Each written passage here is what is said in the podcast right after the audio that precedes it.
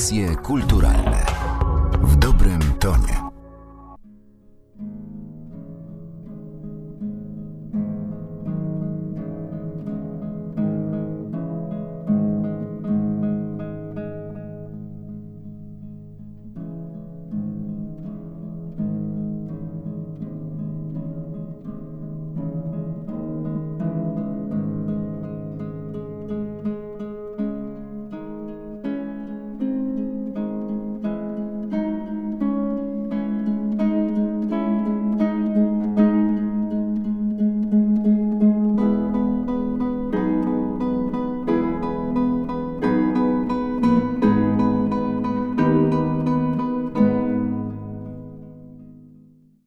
Brzmi znajomo, prawda? To fragment preludium deszczowego Fryderyka Chopina w szczególnym opracowaniu na gitarę i harfę.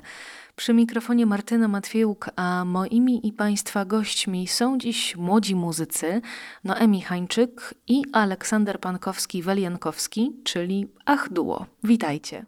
Cześć, witamy. Cześć. Porozmawiamy dziś o waszej debiutanckiej płycie Alla Polakka, czyli o pierwszym polskim albumie z muzyką na harfę i gitarę. To dość nietypowe połączenie, chociaż słuchając waszej płyty przekonałam się, że te instrumenty dogadują się ze sobą znakomicie. No i stąd pytanie, dlaczego to jest takie rzadkie zestawienie? Myślę, że ze względu właśnie na tą barwę dźwięku, że ona jest bardzo podobna i może czasami być problem z wyciągnięciem jednego instrumentu na wierzch, który ma prowadzić melodię. A z drugiej strony też myśmy dążyli do tego, żeby właśnie sprowadzić to do jak najbardziej podobnego brzmienia i żeby stworzyć taką jedność. Ja myślę, że dlatego, że harfa jest ciężka i gitarzysta musi później ją nosić, co miałem przyjemność wielokrotnie robić. Przez to wiele zespołów się pewnie rozpadło. Trochę się śmiejemy, ale nawet spoglądając dzisiaj na zdjęcie waszego duetu, uderzyło mnie to, jak olbrzymia jest harfa.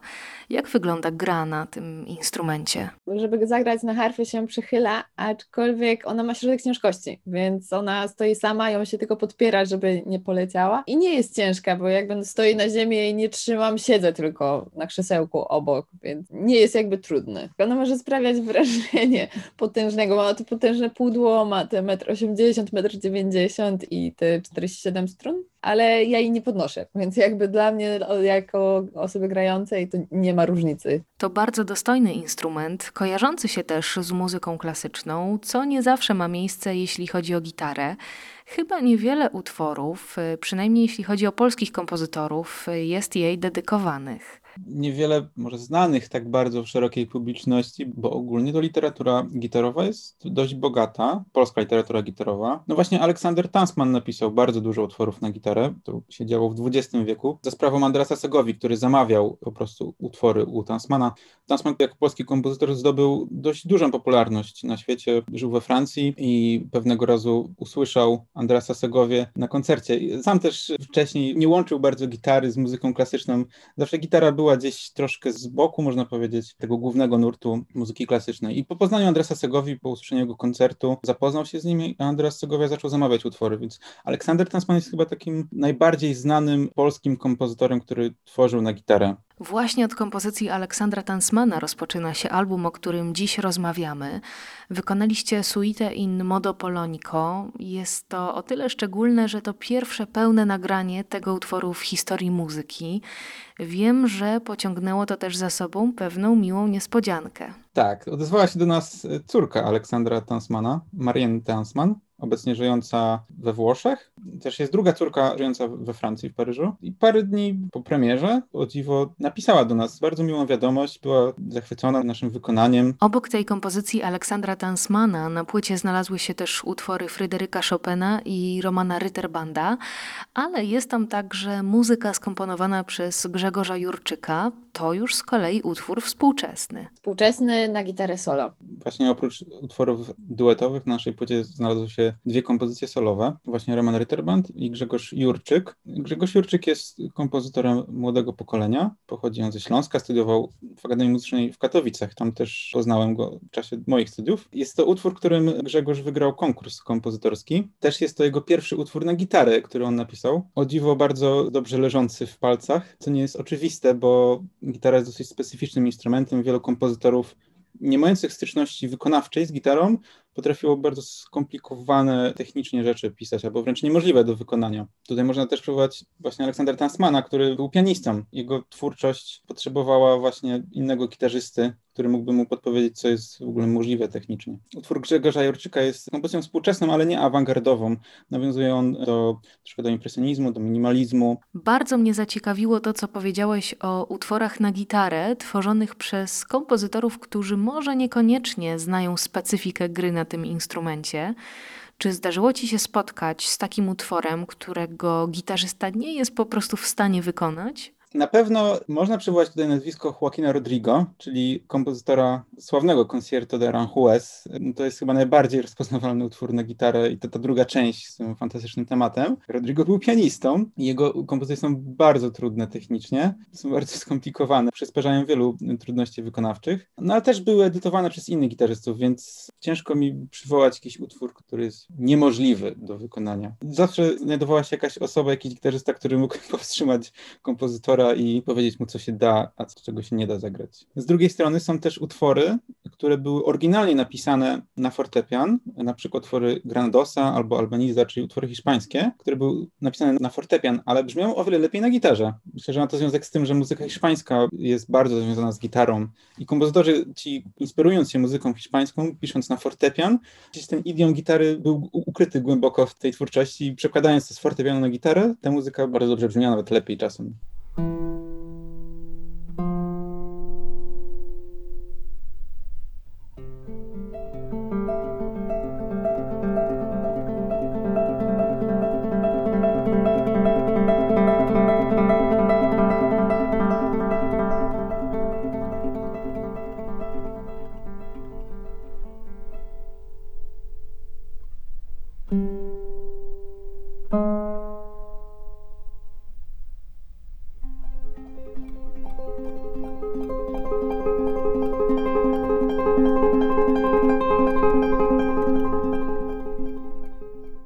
Nie mogę Was też nie zapytać o utwory Fryderyka Chopina. Wspaniale one brzmią na Waszej płycie. Myślę, że są bardzo miłym zaskoczeniem w takim właśnie wydaniu. Jak powstały autorskie opracowania tych kompozycji, stworzone przez Was, jeśli chodzi o walc Cismol i Anię Wołowczyk, jeśli chodzi o preludium deszczowe? Potrzebowaliśmy utworów kompozytorów polskich, a w sumie jedynym nam przynajmniej znanym takim utworem napisanym przez Polaka jest właśnie utwór Suita in Modo Polonico. Chcieliśmy nagrać płytę z muzyką polską, to takim no, najbardziej znanym Polakiem, kompozytorem jest właśnie Fryderyk Chopin, który pisał na fortepian. I stwierdziliśmy, że to może być dobra droga. Z jednego instrumentu rozdzielić na dwa instrumenty, aczkolwiek też nie zupełnie prosty w fakturze utwory Chopina i, i myślę, że coś całkiem ciekawego z tego powstało. Na pewno pierwsze niespotykane, nikt wcześniej tego nie zrobił. Tak się akurat składa, że nasz podcast zbiega się z datą uznawaną za urodziny Fryderyka Chopina i zastanawiam się, jaki macie stosunek do jego kompozycji jako młodzi muzycy. Ja byłem zawsze zafascynowany muzyką Chopina, no ale nie będąc pianistą, ciężko wykonywać na gitarze utwory. Są oczywiście aranżacje, no są oczywiście skomplikowane też. Chociaż za, za czasów Chopina też pojawiły się wersje jego utworów na gitarę i Chopin też miał przyjemność je usłyszeć i bardzo mu się podobały. Więc myślę, że słuchając naszej wersji, być może też byłby zadowolony. Mam nadzieję. Na harfie solo też się, zdarzają się sytuacje, gdzie wykonuje się utwory Chopina, aczkolwiek między fortepianem a harfą jest różnica taka, że na fortepianie całą chromatykę ma się pod palcami, jest wszystko gotowe, a na harfie, żeby chromatykę zrobić, trzeba zmienić pedał. Harfa ma 7 pedałów i jakby tu powstaje ta trudność, która powoduje, że nie da się wszystkiego zagrać na harfie i utwory Chopina są na tyle skomplikowane chromatycznie, że, że tych pedałów jest tam więcej czasami niż dźwięków i stąd, że tak powiem, nie wszystko jest wykonywalne.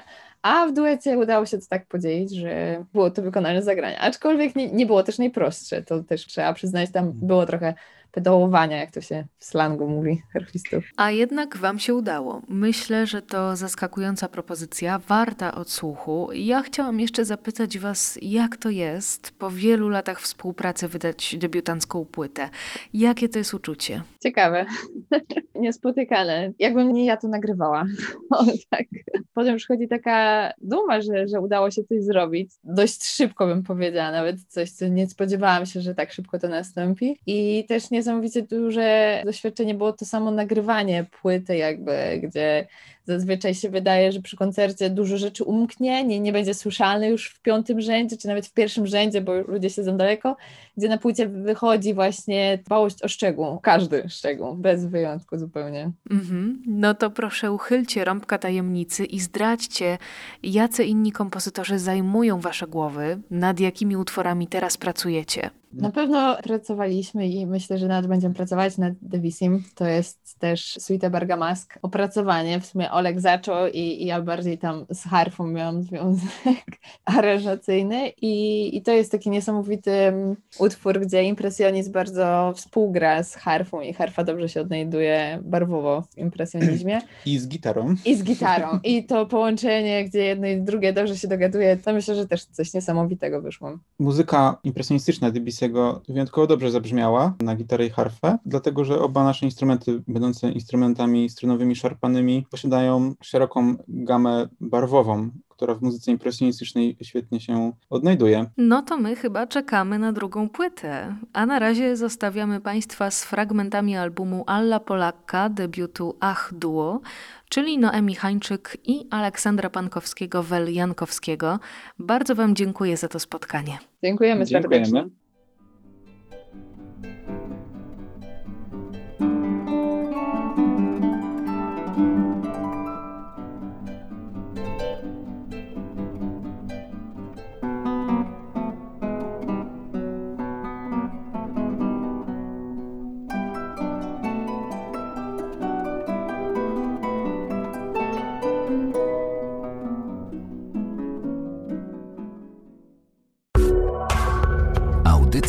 kulturalne w dobrym tonie.